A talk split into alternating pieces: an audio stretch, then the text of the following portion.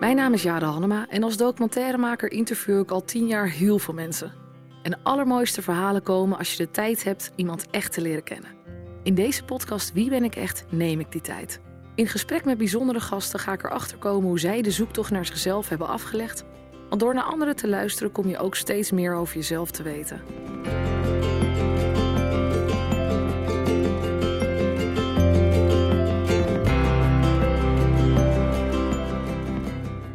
Leuk dat je luistert naar de 16e aflevering van de podcast Wie ben ik echt? Deze keer is de gast Lisa Cornet. Zij is neuropsycholoog en promoveerde in 2016 op het proefschrift Brain Behind Bars, waarin ze de relatie tussen neurobiologische factoren en antisociaal gedrag onderzocht. Naast dit onderwerp onderzoekt zij nieuwe technologie, waaronder virtual reality en het gebruik daarvan binnen de justitiële context.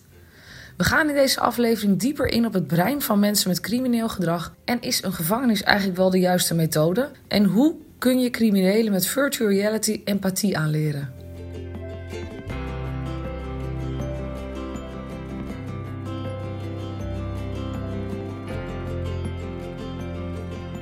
Lisa, welkom in de podcast. Wie ben ik echt?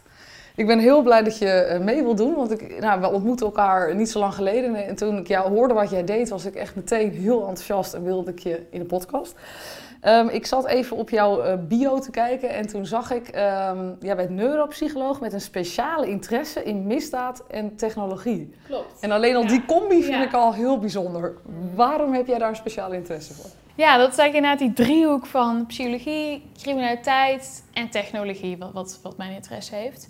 Waarom vind ik dat zo bijzonder? Ja, dat is natuurlijk ook een soort van ontwikkeling die door de jaren heen is gekomen. Want ik ben begonnen als uh, in opleiding met neuropsychologie. En wat me vooral daar fascineerde was um, uh, het idee überhaupt dat, dat het brein zo'n belangrijke rol speelt in gedrag. Maar vooral ook wat als er iets misgaat in het brein en dat dat zo'n effect kan hebben op gedrag. En ik weet nog heel goed tijdens mijn studie dat het bijvoorbeeld ook ging dat mensen eh, bijvoorbeeld na een heftig ongeluk, dat de persoonlijkheid totaal kon veranderen. Dat die veranderde van een, uh, een net persoon naar een totaal impulsief persoon waarbij er ook relaties verbroken werden. En ik vond het bizar eigenlijk dat het brein zo'n enorme invloed heeft op wie we zijn, onze persoonlijkheid, hoe we ons gedragen. Dus dat, dat was eigenlijk mijn allereerste interesse. En dat is volgens mij sinds ik 12 ben, weet ik niet beter dan dat ik psycholoog wilde worden. Of in ieder geval iets met psychologie wilde doen. En eigenlijk daarna kwam ook weer die interesse van hoe kan het dat mensen zo'n een misdaad kunnen plegen? En, en hoe speelt dan het brein daarbij een rol? Want eigenlijk is dat natuurlijk ook een soort van afwijkend gedrag. Of tenminste, zo hebben wij dat geformuleerd. Um, ja, en, en denk vooral ook omdat ik zelf helemaal niet de neiging heb om grenzen heel erg over te gaan of een misdaad. Dat, dat, dat staat best ver van me af, maar ik denk dat het daarom juist zo integreerde van hoe kan het dat, dat mensen over kunnen gaan tot delicten. Dus toen kwam een beetje die criminologie-interesse erbij. En dat kon ik heel mooi gaan combineren tijdens mijn uh, promotieonderzoek. Dus heb ik heel veel onderzoek gedaan naar biologische kenmerken van criminelen. En uh, gaandeweg ontdekte ik dat er, uh, als je het hebt bijvoorbeeld over de behandeling van crimineel gedrag, dat, dat er heel veel bestaande behandelingen best wel verouderd zijn, vind ik. Best wel op ideeën uit de jaren tachtig. En dat is niet per se slecht, maar ik denk wel als, je, als we iets willen veranderen in het aanpakken van criminaliteit of überhaupt veranderen in justitiecontext, dat, je, dat er veel meer gebruik zou kunnen worden gemaakt van nieuwe technologieën, nieuwe ideeën uh, ja, rondom technologie ook. Dus gaandeweg kwam, kwam ik er ook achter van, ja, we zouden ook bijvoorbeeld veel meer kunnen meten bij, bijvoorbeeld bij gevangenen met behulp van wearables, bijvoorbeeld, of smartwatches. Dus je kan ook veel meer meten bij een persoon dan dat we alleen maar observeren. Uh, wat, wat, wat nu veel gebeurt. En, uh, nou ja, en de nieuwste technologie waar ik nu mee bezig ben, dat is virtual reality. Uh, ook een hele gave nieuwe technologie die we denk ik heel mooi kunnen inzetten in, in justitiecontext. Of in het gebied van criminaliteit. En hoe zet jij dat, hoe, hoe ben je daar nu mee bezig? Ja, dus wat we, ik werk dus nu in de Universiteit Twente en daar ehm, bekijk ik ook op grote lijn, maar we zijn er zelf ook mee bezig, maar ook op grote lijn hoe je virtual reality technologie kan gebruiken. En wat we zien is dat over de jaren is die technologie heel erg eh, in opkomst geraakt. En sinds 2013 ongeveer is het ook echt voor de consument uh, beschikbaar geworden. En je ziet dat binnen een justitiecontext. En justitiecontext is in, in hele brede zin hoor. Dat is zowel politie als gevangenis als reclassering. Nou, een brede context. Maar dat er steeds vaker initiatieven zijn om iets met virtual reality te gaan doen. Uh, de zin van wij moeten ook iets met virtual reality, dat, dat hoor je best vaak, omdat er toch iets sexy in die technologie zit. Mensen willen daar iets mee. Uh, maar het wordt ook best wel ongestructureerd ingezet en, en er floppen ook wel wat initiatieven. Um, maar goed, wat wij bijvoorbeeld afgelopen jaar hebben gedaan is gekeken van nou, hoe kan dus nou die technologie binnen justitiecontext ingezet worden. En uh, wat we zien is als je bijvoorbeeld kijkt naar uh, de delinquentengroep, dan zou je kunnen zeggen dat virtual reality bijvoorbeeld gebruikt kan worden om beter uh, risico-assessment te doen. Er wordt heel veel risico-assessment gedaan om te kijken, kan bijvoorbeeld iemand vanuit detentie weer de maatschappij in? Nou, dan moet een professional dat gaan inschatten en op basis van gedrag wat diegene in een instelling of in een kliniek vertoont, moet hij gaan bepalen, kan iemand weer naar buiten. Dat zijn best wel moeilijke beslissingen die een professional moet maken. Er worden allerlei instrumenten voor gebruikt, maar nog als het misgaat, dan, nou, dan, dan, weet je het. Op de nieuws komt dat dan uit. wat er gebeurt. Precies. Extra ja, bijvoorbeeld een zedendelinquent die buiten komt en weer in de pleegt. Ja, dat is natuurlijk dat is voor een instelling is dat heel heftig. En, nou ja, en er zijn dus onderzoeken die laten zien dat, dat je virtual reality kan gebruiken om al uh, bijvoorbeeld gevangenen in detentie al te laten oefenen met buitensituaties. En dan te observeren hoe ze in zo'n virtuele scenario zich gedragen. Dus bijvoorbeeld, je zou kunnen zeggen dat een zedendelinquent in virtual reality een supermarkt ingaat en daar geconfronteerd wordt met een kind. En dan kan je eigenlijk observeren van hoe gaat iemand daarmee om. En het voordeel van zo'n situatie is dat je een kind niet, in gevaar, echt, niet een echt kind in gevaar brengt. Ook een zedendelinquent niet in gevaar brengt in die zin. Hè, dus je beschermt de maatschappij.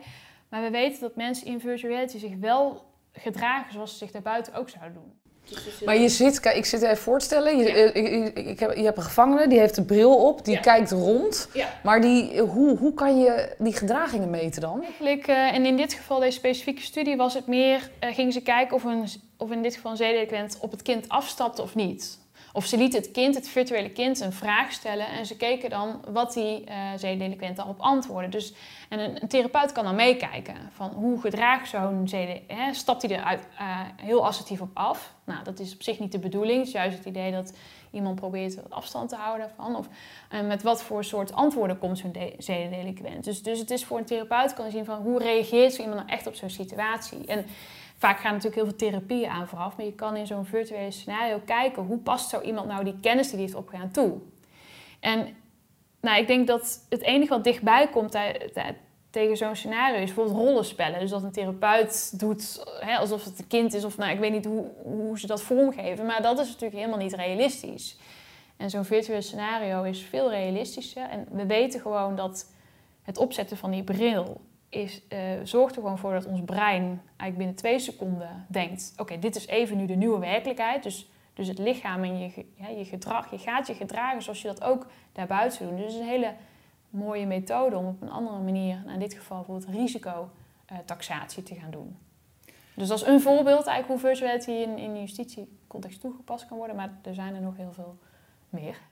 Ik vind het zo interessant dat ik honderdduizend vragen heb en niet weet waar ik moet beginnen. Want dit is, ja, dit is gewoon fascinerend. Ja.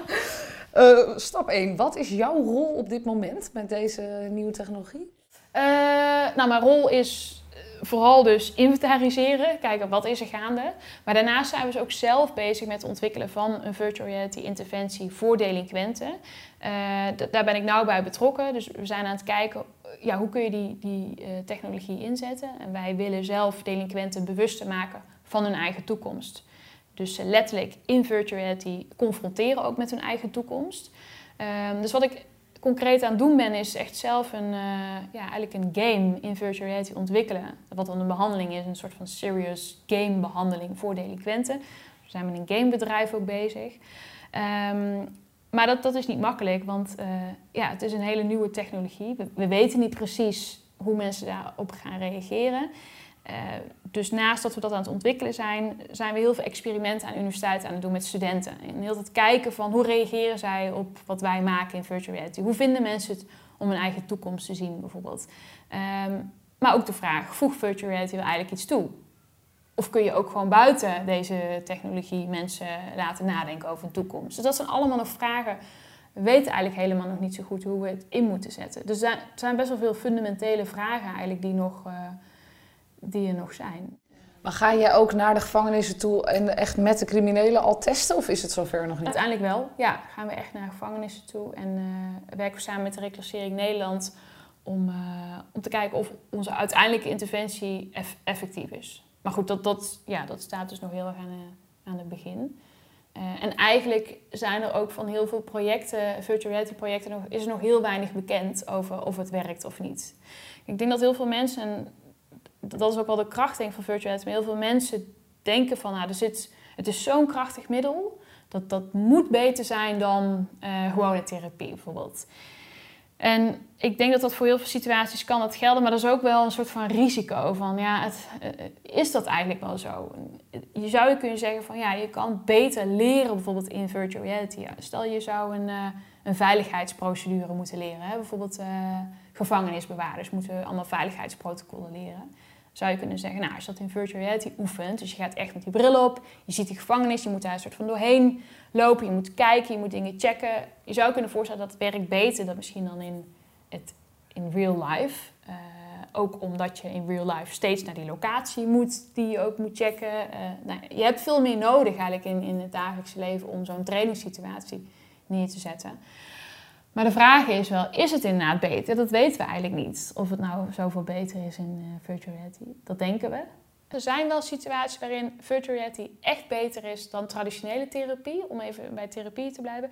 En dat is als het gaat om exposure therapie. En dat wordt heel veel gebruikt voor angststoornissen. Dus bijvoorbeeld mensen met hoogtevrees. Uh, nou, het meest belangrijk als je hoogtevrees hebt, is het gewoon confronteren, het aangaan. Gewoon op een hoog gebouw staan met een therapeut en dat oefenen, oefenen, oefenen, zodat je steeds op een gegeven moment merkt dat die angst is omgegrond. Uh, nou zijn er een aantal virtual reality exposure therapie ontwikkeld, waarbij mensen dus gewoon met een bril op in de huiskamer of een soort van kunnen staan of in een kamer van een therapeut en dan naar beneden kijken en het gevoel hebben alsof ze op een flat staan naar beneden, en dus naar beneden kijken. En dat werkt dus super goed. Dus, en dat betekent dus dat mensen eigenlijk helemaal niet meer die situatie hoeven op te zoeken. Dat is dus logistiek heel handig. Maar gewoon vanaf de bank bij wijze van spreken aan, aan hoogtevrees uh, kunnen werken. Even terug naar de crimineel. De crimineel is een, een, een, een sexy begrip geworden. Zeker Holleder. Nou, was Holleder niet sexy, even eh, goed duidelijk te maken. Maar wel het fenomeen Holleder. Hè? Mensen willen met hem op de foto toen hij vrij was. Het is een, een hele idiote uh, kermis geworden. Hoe denk jij, waarom denk je dat mensen zo gefascineerd zijn van criminelen?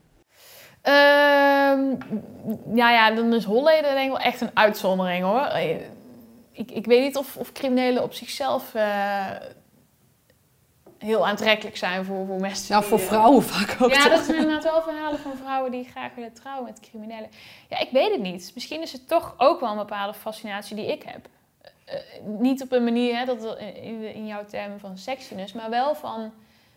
Um, ja, wat, wat drijft mensen om, om die grenzen over te gaan? En, en misschien dat in, als je het nog hebt over de vrouwen die op criminelen vallen, ja, een soort van. Het is ook wel een bepaalde angstloosheid die, die uh, uh, criminelen kunnen hebben. En misschien koppelen mensen het ook aan een bepaalde stoerheid. Ja, het, het heeft iets fascinerends of zo. Het is misschien ook omdat het heel ver van ons afstaat, wat je zelf ook al zei. dat dat uh, inderdaad interessant is. Maar misschien en ook omdat we allerlei series zien oh, hè, op Netflix. Dus, ik bedoel, crime is ook wel een topic in, in allerlei films en series. En ehm, ik denk ook wel het beeld wat we krijgen door dat soort dingen te zien is niet per se realistisch, maar zet wel op een heel soort van gaaf leven met heel integrerend, stoere figuur. En ja, misschien is dat ook wel ja, misschien draagt dat ook wel bij aan het beeld wat we ervan ja, hebben. Dat denk ik ook inderdaad. Um, kan je als crimineel geboren worden, denk je? Ja, dat is, dat is grappig. Want ik heb natuurlijk een tijd lang onderzoek naar de biologische kenmerken van criminaliteit. Kreeg ik die vraag ook wel. Uh, ja, ik, ik zeg daarop nee. Uh, maar je kan wel geboren met een hele grote aanleg daarvoor. Maar of het dan sowieso tot criminaliteit leidt, ja, dat, dat kan je niet zeggen. Als je bepaalde karaktereigenschappen hebt die misschien, dus dat grenzeloosheid, ja, misschien angstloosheid. Ja, inderdaad. Als je als kind wordt geboren en je hebt al in je aanleg gevoeligheid om best wel angstloosheid, of in ieder geval, uh, wat ook een belangrijk kenmerk is, strafongevoeligheid. Dus bijvoorbeeld kinderen waarvan je ziet dat, dat, ze, dat het er niet zoveel doet als ze straf krijgen van hun ouders, dat, dat, dat kan al best wel een kenmerk zijn, hmm, als dat heel lang doorgaat. Als, als die kinderen heel ongevoelig blijven voor straf. Ja, ja hoe, hoe hoe komen die kinderen, hoe worden die opgevoed dan? Of als, als het ze niks doet. Nou ja, en als, als zo'n kind met die uh, kenmerken zeg maar, ook nog eens opgroeit in een, uh, een redelijk verstoorde omgeving. En dan, dan kan je wel zo'n combinatie krijgen waarbij ja, de weg naar criminaliteit geopend wordt. Maar, maar ook zoals de vraag van, er is ook niet bijvoorbeeld één gen of zo. Het criminaliteitsgen bestaat ook niet. Dus het is wel een beetje saai antwoord als in een hele complexe samenspel. Maar 50% genen, 50% omgeving, dat is eigenlijk altijd wat er wordt gezegd. Van een, nou ja, die combinatie uh, kan ertoe leiden dat iemand crimineel wordt. En kan jij zien in, in scans uh, van breinen, de, oh ja, dat is een, een brein van een crimineel? Uh, ik sowieso niet. Uh, maar dat is grappig dat je dit aanhaalt. Want uh, dat is natuurlijk wel heel vaak geprobeerd. Van ja, kun je niet gewoon iemand scannen en dan, hè, dan weten we gewoon of het, of het crimineel is of niet. En, en het was mooi, een paar jaar geleden was er een TED-talk van een man die deed onderzoek naar psychopaten en scande de breinen van psychopaten. En scande ook niet-psychopaten controlegroep. En hij wil dus eigenlijk kijken van, als, als hij, hij blind voor het onderzoek, als je niet weet wie tot welke groep hoort, kun je dan op basis van die scan iemand toewijzen aan de psychopatengroep of aan de controlegroep.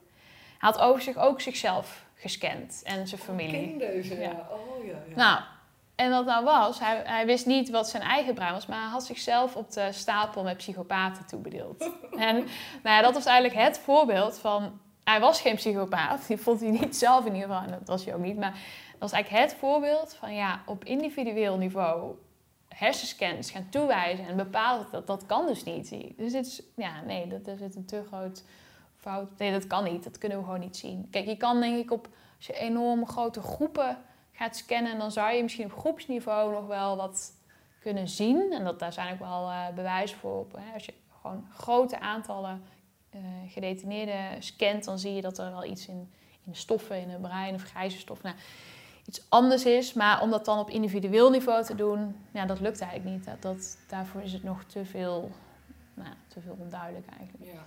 Um, jij, jij bent, je gaat ook heel regelmatig naar gevangenissen toe. Dus je spreekt ook heel veel criminelen. Ja. Hoe is, vind, je, is dat ook het, vind je dat het fascinerendste ook aan je vak meteen? Omdat je echt met de doelgroep zo kan werken? Ja, dat vind ik heel leuk. Ja, in die zin ben ik best wel een praktische wetenschapper. Of als in zin meer een praktijkgerichte wetenschap. Ik vind het heel leuk om met mijn onderzoek wel echt in de praktijk te staan. En met de doelgroep te werken waar ook het onderzoek over gaat. En, uh, dus ja, ik ben de afgelopen jaren heel veel, heel veel in gevangenis geweest. En uh, ja, dat is altijd een gemixt, want ik vind het altijd heel interessant, maar het is ook best wel intens om naar te zijn. En, en uh, ook altijd heel fijn om aan het eind van de dag daar weer uit te kunnen lopen. Wat maakt het intens?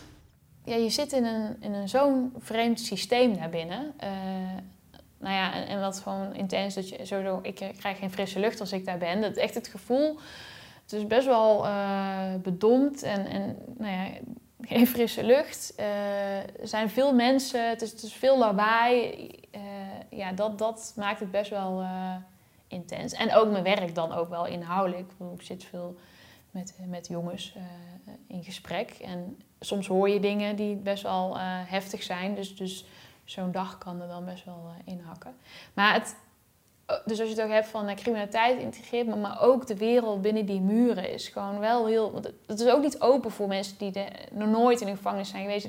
Heel veel mensen eigenlijk geen idee van hoe gaat nou in zo'n gevangenis in zijn werk. Maar ook het leven daarbinnen, dat is toch heel uh, bizar. Kan je je nog je eerste keer herinneren dat je de gevangenis binnenkwam? ja, dat weet ik nog goed. Wat vond je dan het meest bizarre? Of het, wat, wat is er hierbij gebleven? Ja, het was, dat was een bijzondere gevangenis, want het was een half open heet dat dan. Dus dan heb je meer paviljoens en dan loop je ook via buiten en paviljoens. Dus dat was een redelijk vrije omgeving. Maar dat maakte ook dat ik, ik moest bijvoorbeeld van het een naar het andere gebouw en er stonden heel veel uh, uh, gedetineerden uh, buiten. En ja, ik voelde me heel bekeken en heel kwetsbaar. En, en ze riepen ook van alles. En dat, want ja, zo, zo vaak lopen daar niet uh, mensen van buitenaf even in de gevangenis binnen. Dus ik voel, dat vond ik heel... Uh, ja, ik voel, voel me heel klein uh, worden. En toen dacht ik wel, ja, als ik hiermee doorga... dan moet ik wel een beetje zelf, moet ik wel zelfverzekerd hier lopen. Want anders is het best wel intimiderend om daar... Want jij bent ook, dat zien de luisteraars niet, maar een hele mooie vrouw. Dus ik kan me ook voorstellen ja, dat zo'n gevangene, die krijgt een soort... En een vrouw, en ze is knap, en ze... Nou, alles nou, ik, zie, ik weet de eerste keer dat ik ging had ik wel echt mijn allerlelijkste kleren tevoorschijn. Ik had mijn, ik had mijn verfkleding uh, voorschijn gehaald. Ik had nou, mijn brillen op, geen make-up. Ik had ook letterlijk in het draaiboek ook voor de assistenten opgeschreven van ja, let op, op kleding en nou, probeer daar gewoon in ieder geval niet aanstootgevend te zijn. Want ja, je wil niet dat dat, dat soort van, om die reden verkeerde reacties komen. En ik heb ook wel echt een, uh, een, een, verbale weerbaarheidstraining gevolgd voordat, ik, ja, voordat ik het, het, werk ging doen. Ook om mezelf gewoon wat zekerder te voelen van uh, ja, hoe, hoe doe je dat? Maar het grappige is dat nou ja, zo'n situatie met heel veel uh, mensen om je heen, dat voelt wel intimiderend. Maar uiteindelijk, als je gewoon aan tafel zit met één jongen en je spreekt die gewoon in het kader van het onderzoek, ja, dan is dat, dan is dat hele gevoel van uh, wat ik dan in het begin ervaarde, is, is compleet weg. Want ja, meerdere die ik sprak, meerdere dat ik sprak, uh, waren gewoon eigenlijk best wel aardige jongens. En kijk, ik, ging het niet met hen hebben over een delict. Dus in die zin was ik ook wel een redelijk neutraal persoon en, en voor hun niet heel bedreigend. Maar kwam ik eigenlijk achter van ja, er zijn best wel veel gewoon vriendelijke jongens. En als je hoort waar ze vandaan komen, denk je ja, heel veel ook sneu, een sneu verhaal. Eh, wat niet wegneemt dat het heel erg is vaak wat ze hebben gedaan. dat vooropgesteld, bedoel, ze zitten daar niet voor niks. Maar het zijn ook wel gewoon uh, ja, mensen, zeg maar. Kan jij dat altijd wetenschappelijk blijven bekijken? Want ik kan me ook voorstellen dat, uh, uh, dat er situaties zijn als een man bijvoorbeeld een verkrachting heeft gedaan. Dat je dan toch wel ook zelf als vrouw denkt van jeetje, lul, hoezo heb je dat gedaan? Dat je toch dat dat raakt of zo. Waar ik altijd voor zorg was dat ik voorafgaand aan die gesprekken niet wist wat ze hadden gedaan. Oh, gewoon helemaal niet? Nee, helemaal niet. Oh, oké. Nee. Ja, ja. nee, en dat was bewust om, om dit te voorkomen en, en het onderzoek wel goed uit te kunnen voeren. En pas achteraf uh, aan het onderzoek eh, kon ik dan zien wat ze hadden gedaan. En dat was best wel schrikken eigenlijk. Want je hebt een beeld van iemand en vaak was dat best wel een, uh, een wat ik zei, een aardige jongen, leuk gesprek. Soms ook best wel lol gehad. En dan achteraf zag je het delict en dan schrik je er toch best wel van, oh ja, dat, dat, is er dan toch gebeurd. En dat strookt soms ook niet helemaal met wie je tegenover je hebt. Dus ja, wat, ik, wat ik eigenlijk ook vooral, vooral heb geleerd is, je hebt best wel gewoon een persoon en daden. En, en uh, dat de daden die iemand heeft uh, is begaan, is niet per se die persoon. Het, hij heeft verkeerde dingen gedaan, maar het maakt iemand nog niet per se een heel slecht of een naar persoon om, om tegenover je te hebben. Dat, dat is ja. wat ik een beetje afgelopen jaren wel heb uh, geleerd. Maar ja, en dit klinkt natuurlijk allemaal heel positief, maar zo voel ik het ook wel. Maar ik weet niet hoe het zou zijn als ik wel van tevoren zou weten... het is een ernstige verkrachter en een hele enge man. Ja, dan zou ik daar misschien wel anders zitten. Er zijn trouwens ook wel voorbeelden geweest uh, dat ik me helemaal niet prettig voelde... en het onderzoek eerder heb afgebroken. Ik dacht van, dit oh, voelt, ja? ja, voelt niet fijn. Zit er altijd iemand wel bij jou? Met z'n tweeën, al twee onderzoekers. We hebben wel altijd uh, piepers, dus je kan altijd iemand oppiepen. Dat is nog nooit voorgekomen. Uh, en we zitten wel, uh, medewerkers weten dat we er zijn. Dus ja. je zit wel een beetje in, in het uh, visie van, van medewerkers. Waar, waarin voelde jij op een gegeven moment zo niet fijn dat je het af moest kappen dan? Dus ja, dat, dat is moeilijk uitleggen. Ik denk, ja, iemands uitstraling, iemands voorkomen. Ook de dingen die hij zegt die dan niet fijn zijn. Of net, net net de controle willen nemen over. Hè, wij, proberen, het is ons onderzoek, wij, moeten het leiden. Als iemand zelf daar de controle over wil. Het is eigenlijk maar, ik denk maar twee keer voorgekomen in die nou, meer dan honderd keer dat ik iemand. Uh, meer dan 200 keer dat ik in de gevangenis was en iemand zag. Ja. Oh, maar dat is heel relatief heel, ja. heel weinig ja. inderdaad. Ja. Dus dat is wel echt, dat één op één maakt het wel echt een andere context om met iemand gewoon te zitten. En zij krijgen ook aandacht. En uh, ik geloof dat... dat dat wel prettig is, denk ik. Nou ja, kijk, voor hun is het heel vaak ook een afleiding. Het onderzoek wat we doen, uh, tot nu toe wat ik gedaan, was, vond ik best leuk onderzoek om te doen. Het waren geen heftige interviews over een delict en zo. Dus we waren, kwamen vaak met uh, testjes aan, een soort van puzzelachtige opdrachten. En ja, het is voor hun een soort van ook ontsnapping, denk ik, aan de, de dagelijkse sleur in de gevangenis. En zo brachten we het ook van, goh, doe mee, want het is gewoon eens wat anders. En inderdaad, wij zijn andere mensen dan je normaal altijd spreekt. En uh, we namen ook wel tijd om, om te luisteren naar als iemand niet lekker in zijn vel zat, om daar even over te hebben. Dus ik denk dat we wel in die zin wel een afleiding boden. Een bepaalde van aandacht, ja. Ja, dat snap ik wel, ja. Uh, vind jij het gevangenissysteem, als wij in Nederland en wereldwijd een beetje hebben bedacht, is dat nou een goed systeem? Uh, dat, is een, dat is een diepe vraag. Nou, als, je, als je trouwens zegt als wat wij in Nederland en de wereld hebben bedacht, daar zitten wel hele grote verschillen. Dat is waar. Ja. Laten we het op Nederland houden. Ja, ik denk gewoon, kijk, dat vind ik ook fascinerend aan het systeem. Er zijn soort van twee redenen waarom je iemand opgesloten moet worden. Dat is vergelding en rehabilitatie. Dus iemand moet gewoon gestraft worden en het moet weer zeg maar geleerd worden dat hij opnieuw in de maatschappij moet functioneren. En ja, die twee dingen staan gewoon best wel haaks op elkaar. Nou, niet helemaal, maar als je kijkt van uh, dat vrijheid ontnomen wordt en, best wel uh, nou ja, heftige omstandigheden kunnen zijn in de gevangenis. Maar tegelijkertijd er ook aandacht moet zijn dat iemand weer moet leren om terug de maatschappij in te komen. Ja, dat, dat is op zich natuurlijk wel eh, aan zich best wel raar. Ehm, ik, ik, ik, weet niet hoe het anders moet hoor. Want ja, mensen die echt er scheef over gaan, je, je, wil wel dat daar een straf tegenover staat. Anders zou onze maatschappij ook niet functioneren. Uh, maar goed, met mijn onderzoek focus ik eigenlijk veel meer op die rehabilitatie. Van hoe krijg je mensen weer de maatschappij in. En ja, ik denk wel, wat gewoon wel zo is, en het blijkt ook uit onderzoek, als mensen in een detentiesetting zitten en daarna weer terug de, maatschappij in moeten. Detentie op zich maakt mensen niet betere mensen. Dus dat is, ook, dat is gewoon best wel een contradictie. Van, uh, je kan natuurlijk heel veel behandelingen aanbieden in detentie. En dat, dat werkt tot een bepaalde hoogte. Maar uiteindelijk is detentie op zich al wel schadelijk voor iemand. En uh, nou, er is ook wel interessant onderzoek dat, dat ook wel laat zien dat zelfs ook echt uh, hersenfunctioneren achteruit kan gaan door een periode, lange periode in detentie te verblijven. Maar ja, dan verwachten we wel dat die mensen daarna weer naar buiten komen en zich beter gedragen dan daarvoor. Maar ja, wat is er in die periode in detentie allemaal gebeurd uh, wat niet positief was? Dus ja, dat, dat blijft wel, blijft, blijft, wel, uh, blijft wel apart natuurlijk. Als even alles zou kunnen en we leven in een hele andere wereld, wat zou jij dan uh, zeggen wat nog een idealere oplossing zou kunnen zijn?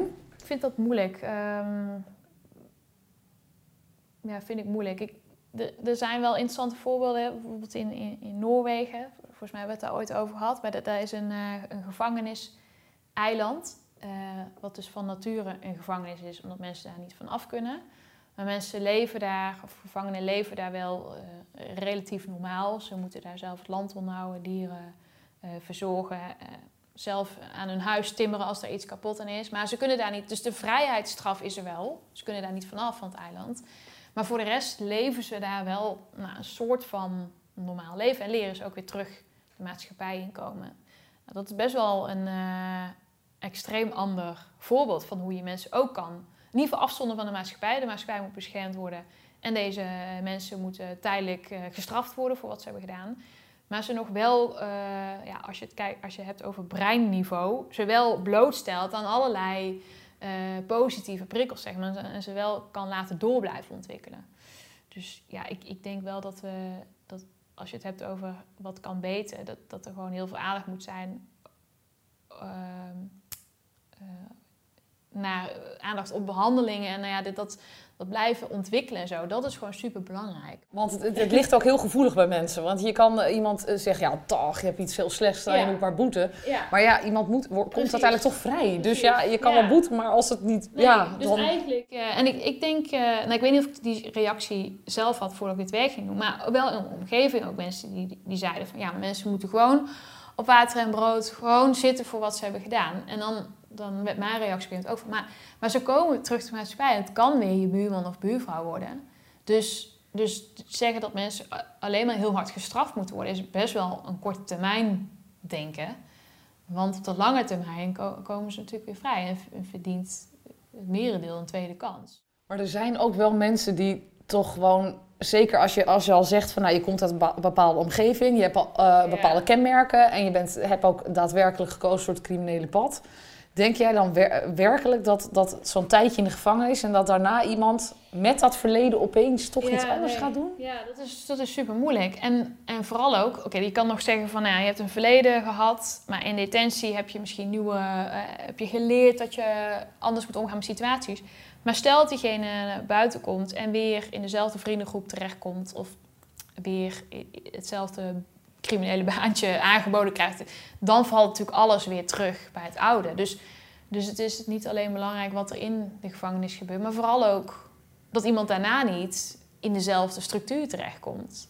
Want dat, dat is logisch dat dat dan weer misgaat. Maar zo iemand heeft alleen maar dat, zijn oude Ja. leven. Ja. Dat is zo lastig natuurlijk. Nee, want stel ook als ik zou bedenken dat ik alles moet stoppen met mijn vriendengroep en alles wat je had, je werk, je woning, je vrienden, dat je daar allemaal mee zou moeten stoppen om een nieuw leven, dat, dat is gewoon, dat is super moeilijk. Het begint geloof ik bij dat diegene het echt wil. Hè? Dat Ja. er zo erg eh, Ja. druk op zit bij iemand. Meestal als iemand kinderen heeft of toch iets heeft om, te- om zich beter te maken, zeg maar. Ja.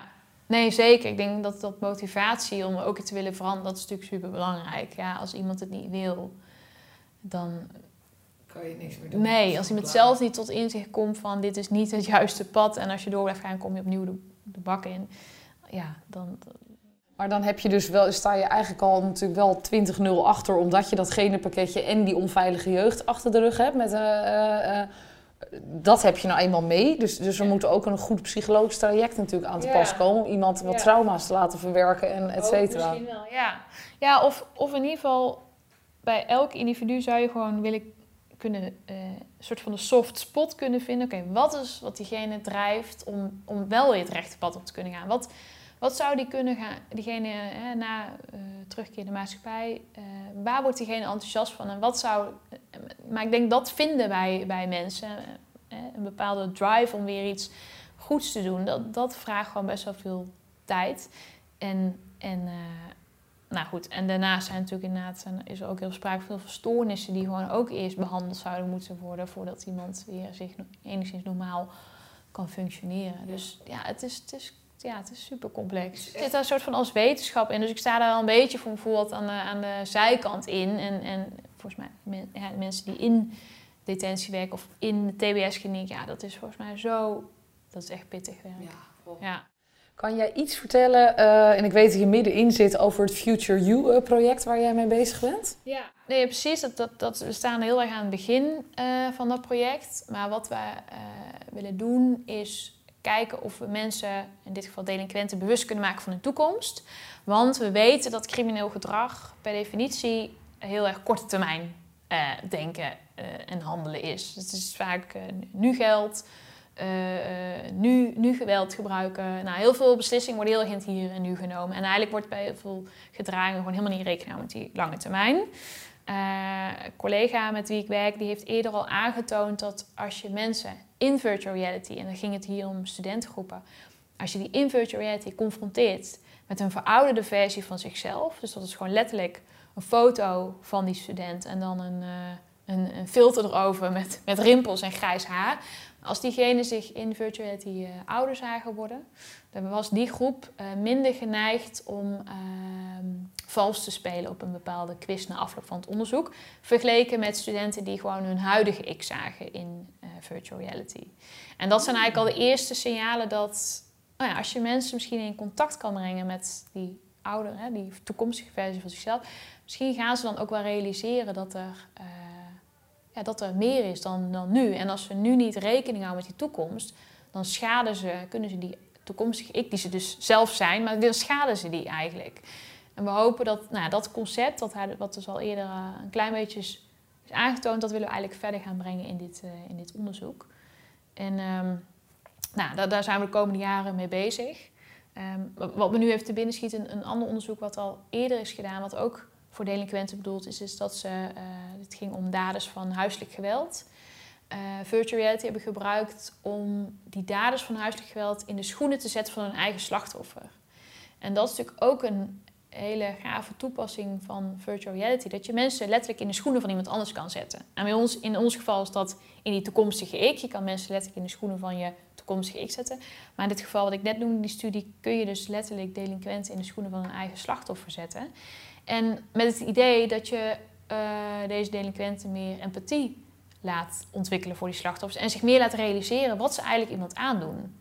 Dus in die virtual reality werden ze als vrouwen, waren dit mannelijke da- daders van huiselijk geweld. Ze deden die bril op, ze zagen zichzelf in de spiegel, maar waren dan, hadden dan een vrouwenlichaam gekregen.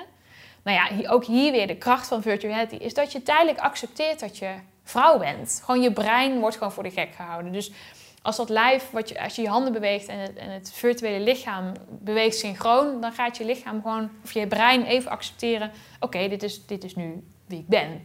Eh, en vervolgens werden ze in die virtual scenario agressief benaderd door een mannelijke avatar die op hen af kwam lopen en ze uitschold en nou, heel denigrerend tegen ze deed. En je zag dan na dit experiment dat die daders van huiselijk geweld ook beter daarna presteerden op een uh, empathie-taak. dus dat ze beter angst konden herkennen in vrouwelijke gezichten. En dat is eigenlijk al één aanwijzing. Oh, dus er verandert even iets na zo'n exposure, zeg maar, na zo'n gedaantewisseling. Zijn mensen dus daarna ineens beter om toch angst te herkennen, wat ze daarvoor niet uh, zo goed konden. Jeetje, wat is dat interessant. Ja. En, want de meeste delinquenten zijn natuurlijk ook minder empathisch dan gemiddeld, toch? Vaak is, is empathie wel iets, uh, dat staat ook vaak centraal in allerlei behandelingen, empathie trainen. Ja. Want ja, als je iemand neerslaat of als je iets van iemand anders afpakt, dan is dat eigenlijk wel een bepaald gebrek aan empathie. Want dan kun je eigenlijk niet inleveren wat je dan een ander aandoet. Dus ja, empathie is wel vaak een. Uh... Ja, en dat heeft dan ook weer met dat korte termijn denken te maken. Want iemand slaat iemand nu, maar denkt niet aan de klap en de, de, gevolgen van zo'n klap later. Dus dat is dan ook weer zo.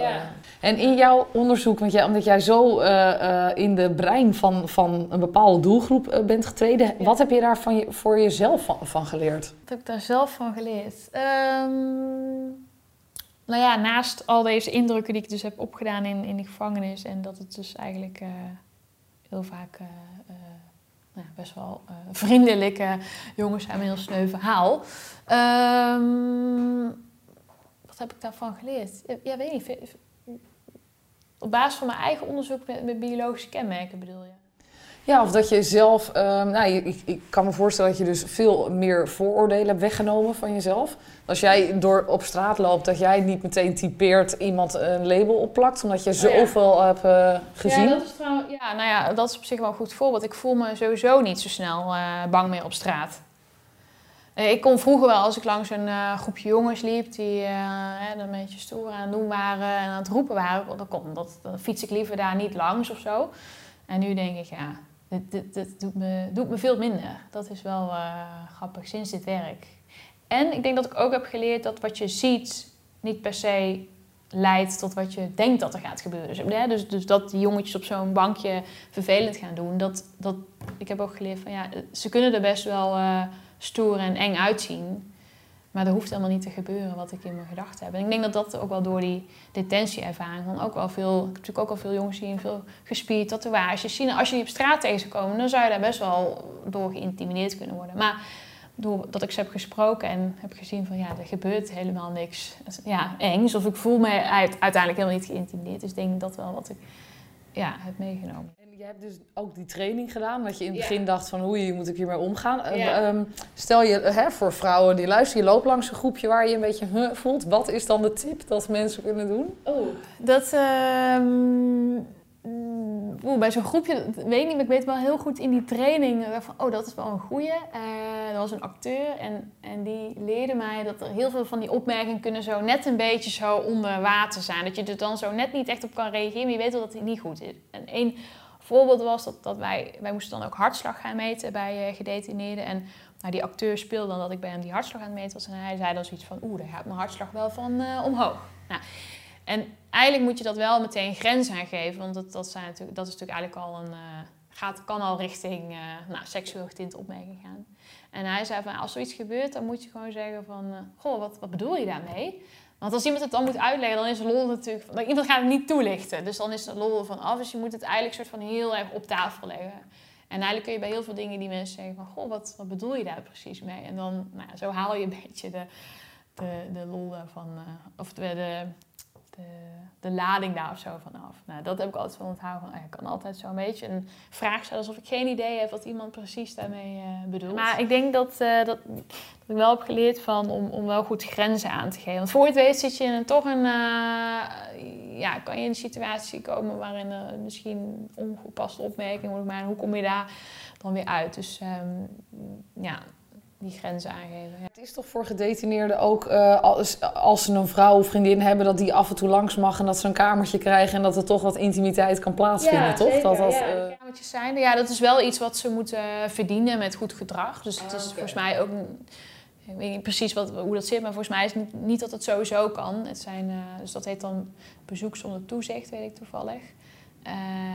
ja, en dan kunnen ze zo'n zo'n kamertje krijgen. Even heel erg op biologisch niveau krijgen. Kijk, als een man zijn testosteron niet, niet kwijt kan, uh, ja, dan, ik bedoel, als je het hebt over agressie in de tensie of opgekropte frustratie, dan zou je zeggen, ja, dat is alleen maar goed dat dat uh, af en toe kan. Dat af en toe zo'n kamertje beschikbaar is. Want het zorgt misschien alleen maar op de afdeling voor een iets uh, betere sfeer. Ja, nou, het lijkt mij wel inderdaad. En nou hebben we het veel over mannen, maar er zijn natuurlijk vrouwelijke criminelen, die zijn er nog steeds een stuk minder, hè, gemiddeld. Ja, zeker. Ja. Maar hoe komt dat? Ja, uh, hoe komt dat? Ja, ik denk als je dus op biologisch niveau kijkt, kan je dat best wel verklaren vanuit uh, dat mannen inderdaad over het algemeen uh, nou, veel meer geneigd zijn om bijvoorbeeld agressie te gebruiken. Dat, nou, dat heeft allemaal met allerlei hormonen te maken. En dat gaat natuurlijk ook heel erg ver terug. Dat het, dat het dus die verdelingen tussen man en vrouw heel anders is. Mannen zijn ook over het algemeen wat angstlozer. Um, ja, dus dat, dat in de brein, onze, onze breinen zijn gewoon anders. En ik denk dus het opzoeken van grenzen, dat is veel meer man-eigen dan, dan, dan vrouw-eigen. Ja, er zijn vast nog heel veel sociaal-culturele verklaringen hoor. Maar, maar het is inderdaad die, die ratio, ja, volgens mij is het 90% man, 10% vrouw, zoiets. Even uit mijn hoofd. Ja. ja. Dus het is uh, ja, heel groot verschil. Maar jij komt ook in vrouwengevangenissen? Nee. Nee, voor ons ook niet. Nee, op zich is dat ook wel interessant. Maar dat is meer praktisch. Want als je een onderzoeksgroep hebt, dan wil je dat die redelijk uh, homogeen is. En als je ook nog eens vrouwen erbij hebt, dan, vrouwen in je onderzoek, dan moet die vrouwengroep wel zo groot mogelijk zijn om iets over vrouwen te kunnen zeggen. Je kan die niet op één hoop uh, onderzoeken en dan uh, iets zeggen over gedetineerde man-vrouw is toch echt wel verschillend. En vrouwen hebben volgens mij ook over het algemeen spelen veel andere soorten delicten dan bij mannelijke gedetineerden. Dus die, die worden best wel vaak apart gehouden. Ja, er zijn heel veel onderzoeken die zich bijvoorbeeld alleen maar met vrouwen, vrouwendelinquenten bezighouden. En, en trouwens ook nog wel wat, wat je ziet ook bij vrouwen, zeker die kinderen krijgen, dat, dat weerhoudt ook wel veel vrouwen van delinquent gedrag volgens mij. En dat is bij mannen toch ook wel weer wat anders. Uh, gezinssituaties, zeg maar. Ja. Maar goed, ik ben niet helemaal gespecialiseerd in man-vrouw verschillen in criminaliteit hoor. Maar... Want omdat er dus weinig uh, crimineel gedrag bij vrouwen is, dan kan je testen op ook niet zoveel mensen. Nee, daarom. Dus, dus dan heb je maar een kleine groep en dan is het moeilijk om daar iets over te zeggen. Dus uh, we wilden ooit wel ook vrouwen in mijn onderzoek meenemen, maar dat was gewoon, waren gewoon te weinig uh, vrouwen eigenlijk om goed onderzoek na te doen. Want als je dan mannen en vrouwen weer met elkaar wil vergelijken, moet je wel groot genoeg groepen hebben zeg maar, om te kunnen onderzoeken. Dus dat was er meer praktisch van we, we, doen dat even niet. Ja, precies, snap ik. Ja. Um, nou, deze podcast heet Wie ben ik echt? Maar dit is zo interessant dat ik niet te veel uh, naar jou af, af ben gedwaald. Maar um, de, over, als we toch nog steeds over de criminelen hebben. Um, hoe, in hoeverre de, denk je dat criminelen zichzelf echt kennen? Oeh. Maar ja, ik, ik denk dat ik daar terugkom op van ja, het zijn ook gewoon mensen. Ja, dus hoe goed kennen ze, ja, dat, dat weet ik niet. Dat zou ik maar ik denk dat heel veel, zeker ook wel gedetineerden, eigenlijk ook wel heel goed weten wie ze zijn. En eigenlijk misschien stiekem ook wel weten wat goed voor ze is. weet je, ze hebben ook wel hun hele leven lang van anderen gehoord van uh, doe, doe het niet zo, doe het op een andere manier. Ik denk dat heel veel het wel weten, maar of de skills niet hebben om voor een ander pad te kiezen of het niet willen.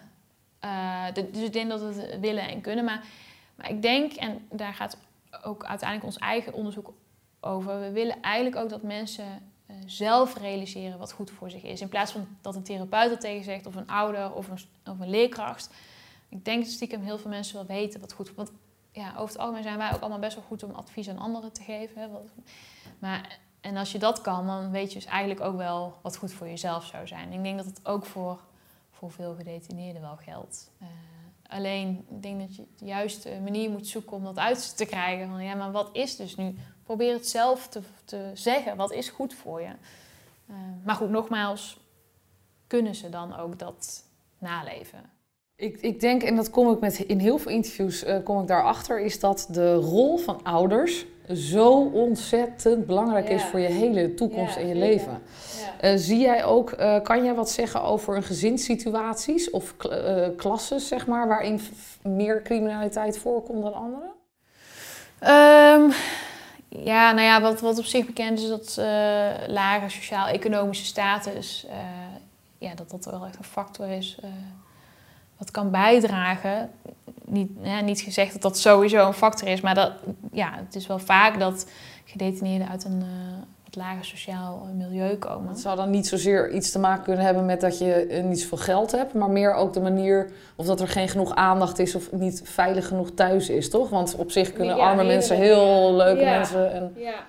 ja, want uiteindelijk uh, heeft dat gewoon allerlei gevolgen, ook bijvoorbeeld voor opleidings. Uh, hè, dat is dus als je uit een gezin komt waar gewoon minder financiële middelen zijn, dan heeft het ook gevolgen voor de schoolkeus die je kan maken. Of voor het feit dat je wel of niet kan studeren. En nou, we, weten, we weten dat een opleidingsniveau, dat dat ook uh, rol speelt in uh, crimineel, criminele pad op gaan of niet. Dus, dus het bepaalt allerlei vervolgstappen ook weer in het, in het leven. Of nou, er zijn zelfs theorieën dat weinig financiële middelen toegang tot minder gezonde voeding. Nou, voeding is heel belangrijk voor het brein. Dus ook breinontwikkeling kan daar weer. Eh, dus er zijn allerlei wegen eigenlijk die nou ja, vanuit een wat lager sociaal milieu kunnen leiden tot, tot gevoeligheid om uh, ja, criminaliteit te gaan plegen. Maar en dan um, uh, krijg je natuurlijk wat je dan ook ziet, is dat zo'n hele familielijn, dat dat generaties door wordt gegeven. Omdat zo'n crimineel krijgt ook een gezin. Nou ja, die zit in de bak, komt weer terug en moet op een gegeven moment zeggen, ik, uh, ik ga het pad niet uh, op. Ja. Maar dat lijkt me best lastig, want je kijkt gewoon naar je ouders als eerste en naar wat zij doen. De manier om te leren naar je ouders kijken. Zij geven daar gewoon, ja, ze maken het leerpad voor je vrij. Dus ja, absoluut. Die zijn zo belangrijk voor je. Maar dus eigenlijk zou eh, de, een, een belangrijk element in zorgen dat je kind op het rechte pad blijft, volgens mij toch gewoon aandacht en veiligheid. Ja, zeker. Ja. Denk, ja, dat, ook, dat is niet helemaal. Ik zou het zelf zeggen op basis van wat ik gewoon denk. Ja, volgens mij is dat gewoon heel belangrijk. Ik denk ook wel, dat hoor je ook wel eens van, uh, van behandelaar of therapeuten, maar dat ze uiteindelijk ook heel veel op het gevangen uiteindelijk liefde zoeken en aandacht. En dat dat gewoon gebrekkig is geweest in, in de kindertijd of, uh, of daarna. Dus ja, dat is super belangrijk. Ja, want dat zeg je wel iets moois. Want ik, ik geloof heel erg dat soort van liefde de basis is van alles. Een beetje in, het, uh, in, het, in een hippie gedachte. de podcast alles liefde heeft. Eigenlijk is dat beter. Um, uh, want ik, ik, ergens vind ik het soms ook, ook met die groepen zoals de Hells Angels. En dan zie je die mannen bij elkaar. En dan denk ik, ja, zij, zij zoeken een clubje om ook samen te zijn. Om ook verbinding te krijgen met enigszins met mensen die, ze, die elkaar begrijpen. En nou is het allemaal fout en niet goed, maar ja, men zoekt toch iets om maar gewoon het leven door te komen en om aandacht te krijgen. Inderdaad, uh, gezien te worden. Ik denk dat dat gewoon super belangrijk is. En dit is inderdaad gewoon op basis van mijn eigen levenservaring. ik denk dat dat gewoon super belangrijk is. Dat uh, ja, mensen zich soort van waardevol voelen. Welke eigen levenservaring neem jij ook mee in je werk?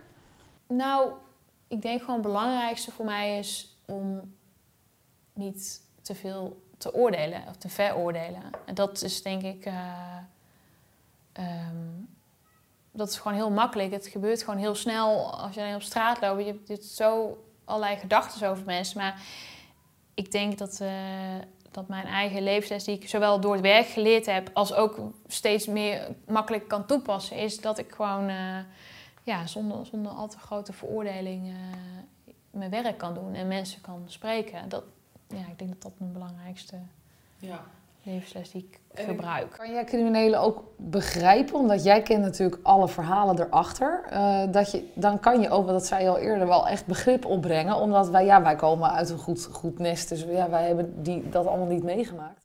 Maar ja, begrip is natuurlijk ook wel tricky, want het blijft natuurlijk wel dat ze iets heel ergs hebben gedaan. En dat, dat vind ik moeilijk om begrip voor op te brengen. Maar als je het hebt over het pad en naartoe, en als je hoort dat iemand heel veel misbruikt is, en, en je hoort echt wel nare verhalen, of je, of je ziet, je moet de vragenlijst afnemen, je ziet daar gewoon nare dingen, dan denk je wel, ja, ik, ik snap inderdaad haast wel dat, dat, je, dat het de verkeerde kant op is gegaan. Dat, dat kan, je, kan ik inderdaad wel uh, zo zeggen. Je hebt altijd een keus en je ziet ook wel eens mensen uit hele slechte gezinnen die ongelooflijke switch hebben gemaakt. Ja, en, uh, en, uh... ja dan weet ik ook niet of je, of je altijd een keuze hebt hoor. Want zelf, ook in echt dus omstandigheden denk je van ja, had diegene nogal, had diegene echt een keuze? Of is het soort van zodanig slechte omgeving, slechte vrienden.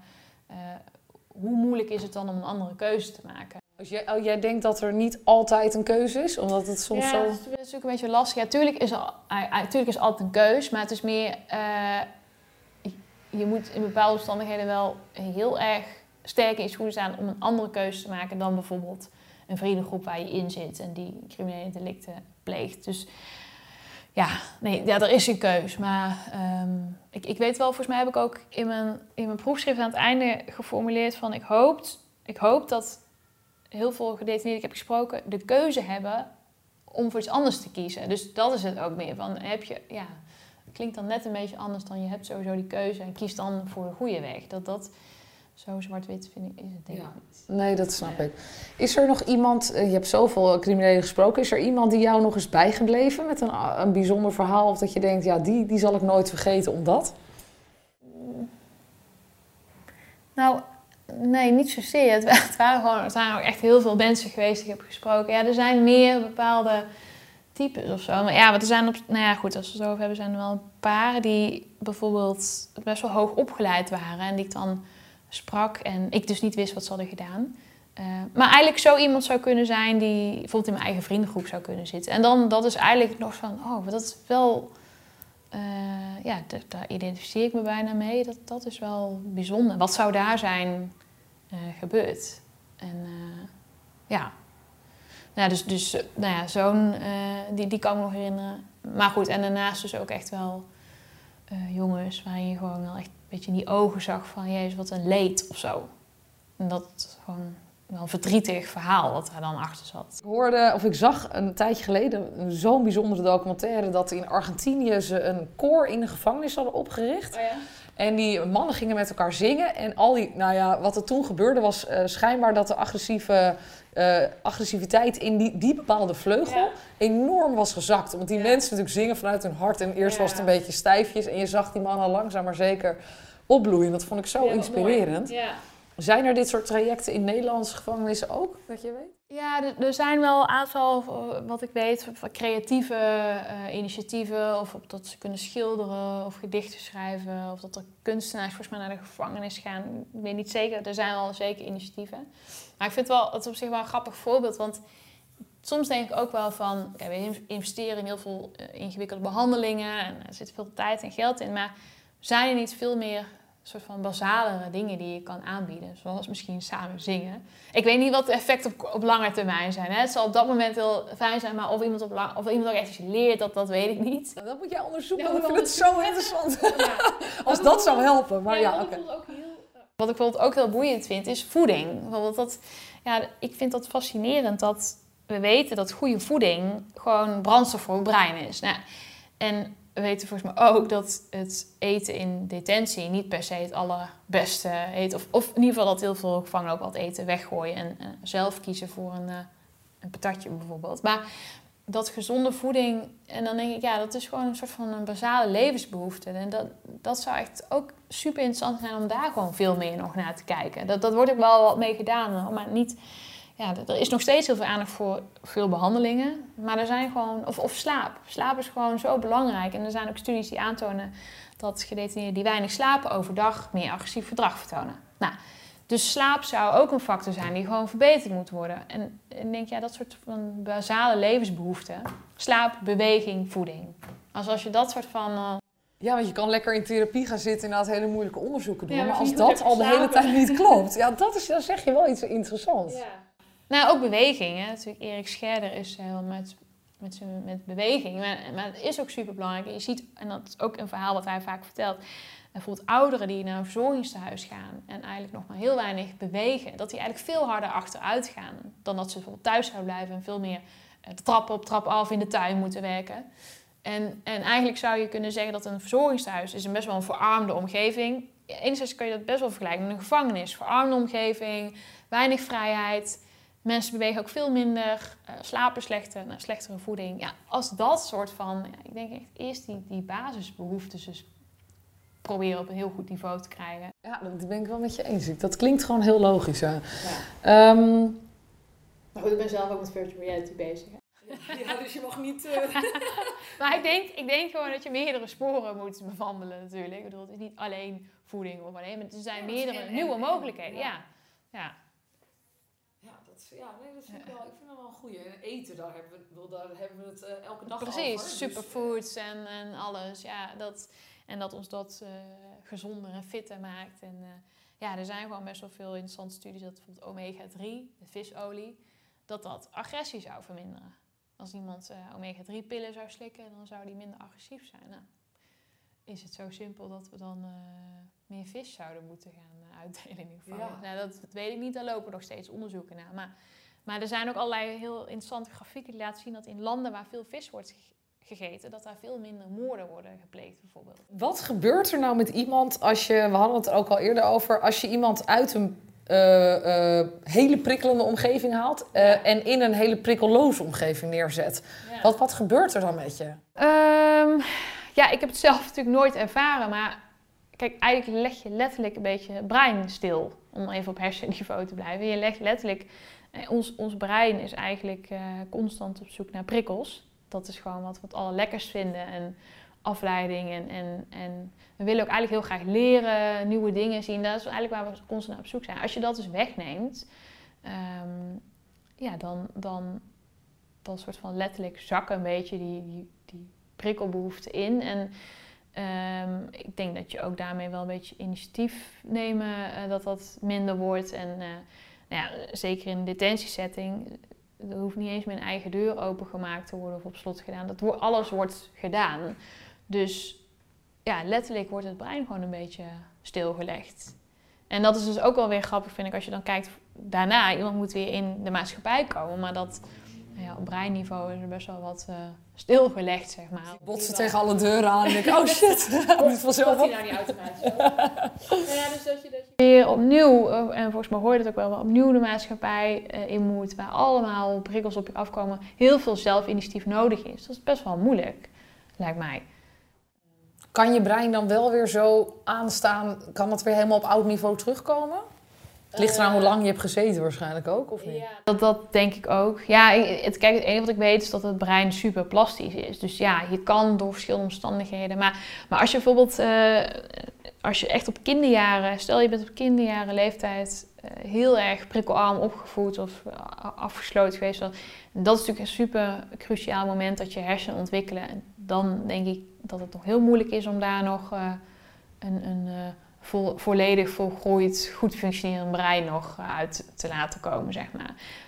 Dus als kinderen niet genoeg meemaken, nieuwe dingen, dan, dan ontwikkelt het brein zich dus niet voldoende. Nee. Of als kinderen heel veel trauma's meemaken, dan uh, ja, dat is op zo'n cruciale periode dat er dan uh, het brein aan negatieve dingen wordt blootstelt. Dat, dat, ja, voor zover ik weet is dat nog heel moeilijk om dat later nog uh, goed te krijgen, zeg maar. Wat ik nu merk is dat we een beetje in een, in een overprikkelende maatschappij leven. En, en uh, de boeddhisten zeggen, nou gaan we lekker weer ja. terug naar de natuur en, uh, en tegen bomen aan zitten en, en gewoon niks doen. Ja. En leren juist omdat prikkels ook een beetje vers, ja, verslavend werken. Van moeten we daar, nu we alle prikkels wel een keer hebben gezien, daar niet wat meer vanaf. Maar ja, dat geldt dan meer voor de, voor de niet-criminelen misschien, nee, want wij zijn vrij. Ik denk ook dat, ja, ik denk ik weet het niet, want ik denk dat, dat je een soort van uh, bepaalde mate van prikkels heb je gewoon nodig voor ons brein. Dus, dus volgens mij is het ook niet gezond om vanaf nu jarenlang op een berg te gaan zitten en nooit meer prikkels te krijgen. Dat, dat, dat is niet wat ons brein nodig heeft. Uh, maar we kunnen zeker wat van het boeddhisme leren om. Je kan je wel wat afsluiten van die prikkels. Ik denk dat het nu inderdaad heel veel is waar we aan bloot worden gesteld. Maar je hebt wel een bepaalde mate volgens mij nodig om te kunnen functioneren en om je uh, brein actief te houden. Ja, en om creatief te zijn waarschijnlijk. Ja, heb je ook. Wat, wat, wat ja, inspiratie inderdaad. Je hebt het wel nodig. Uh, ja. ja dus, dus, uh, maar af en toe zo'n reset, dat is best, ja, dat doe ik zelf af en toe ook. Een, Hoe, een yoga of retraite, weekend. af en toe inderdaad zo'n moment van helemaal niks. En dat is wel lekker. Daarna voel je dat je beter kan omgaan met allerlei prikkels. Wat, welk deel in jouw werk maakt jou het allergelukkigst? Word je echt heel blij van? Uh, nou ja, sowieso dus met mijn voeten gewoon in die praktijk staan. Dat vind ik gewoon heel tof. Um, wat ik heel leuk vind is om erover te praten. nou ja, ik, ik vind het heel leuk om, uh, om eigenlijk te schrijven, maar meer op een soort van manier bezig zijn om eigenlijk allerlei nieuwe dingen met elkaar te kunnen combineren. En eigenlijk dat driehoekje waar we in het begin over hadden, criminaliteit, technologie uh, en, en neuropsychologie. Eigenlijk een soort van kijken of je de dots kan connecten, zeg maar. Dat, dat vind ik heel tof. Nieuwe, eigenlijk nieuwe paden of zo zoeken. Want ik, ik denk gewoon dat, dat je alleen vooruit komt als je nieuwe, nieuwe wegen en creatief denkt van wat zijn nieuwe paden die we kunnen bewandelen. Ik denk dat je dan vooruitgang kan boeken. Dus ja, het leukste vind ik dus inderdaad om, om met, met innovatie bezig te zijn in een context. Een justitiecontext is niet per se het meest innovatieve context. Dat zijn gewoon best wel, ja, dat, daar kunnen echt nog best wel dingen verbeterd worden. Nou, en ook wel uniek, want ik geloof wel dat die systemen waarin je moet uh, zitten heel, heel vastgeroest zijn ook, toch? Dat het moeilijk is om daar iets in te veranderen. Ja, het is moeilijk. Het, is natuurlijk, het heeft ook allerlei met veiligheid te maken, met de maatschappij. Dus het is ook logisch dat dingen gewoon heel erg vastzitten en, en niet zomaar te veranderen zijn. Dus het soort van ook helemaal verankerd in hoe wij kijken naar, naar in dit geval criminaliteit. Of, dus dat is best wel moeilijk te veranderen, die systemen inderdaad. Maar op zich dus denk ik des te meer uh, mogelijkheden om te kijken naar ook wel nieuwe, nieuwigheden. Kijk, bijvoorbeeld in de zorg is veel meer, uh, veel meer innovatie, er wordt veel meer ook nieuwe technologieën kunnen daar gebruikt worden. En in een justitiecontext zou, daar, zou dat ook nog veel meer kunnen. Um, dus het is best wel leuk om een beetje te pionieren op het gebied van innovatie in deze context. Super. Dankjewel, dit was het. Bedankt voor het luisteren naar deze aflevering van Wie ben ik echt? Abonneer je op dit kanaal als je geen podcast wil missen. En als je het een leuk gesprek vond, laat even een review achter. Tot de volgende aflevering.